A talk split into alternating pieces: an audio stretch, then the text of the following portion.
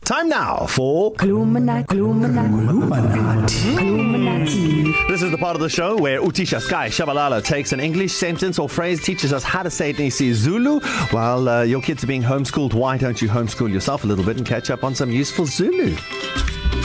And we're continuing our series on lockdown related words and phrases. And if I remember yesterday, we had If you Litini Izingalami Logushisa. Yeah, what is my temperature? Yes. So a- and and then this one we have today. I think this is like lockdown.com.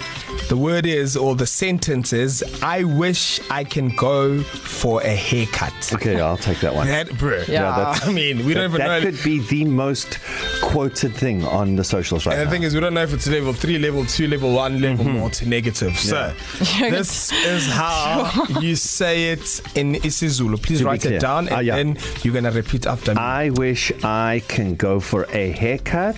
Ngifisa ukuyogunda izinwele. Ngifisa ukuyogunda izinwele. This There's one no is, is, ah, is, is there's easy no by uh, kwi- Zulu. Huh? Yeah. It's just normal Zulu. One more just, time, Utisha. Ngifisa ukuyogunda izinwele. Ngifisa ukuyogunda izing izingwele. izinwele. Izinwele. I think there's an end there, so say the end. It's not silent, chief. Izinwele. Nwele. Ah, Izinwele. Okay, we'll do it. Karimela.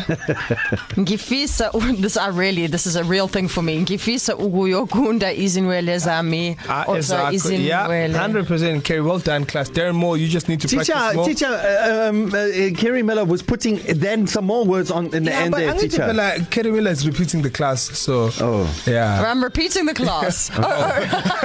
Can we just do the sentence so that we can all learn it together, please? I wish I can go for a haircut altogether. Ngifisa ukuyogunda Ah, izinwele. yeah, yeah, yeah. yeah. Okay, sure. Oh, Okay, thank you very much, Utisha, Sky Shabalala. And then next week, you've got two more words. And obviously, let's move towards the end of lockdown, life at level three, and such things. Mm-hmm.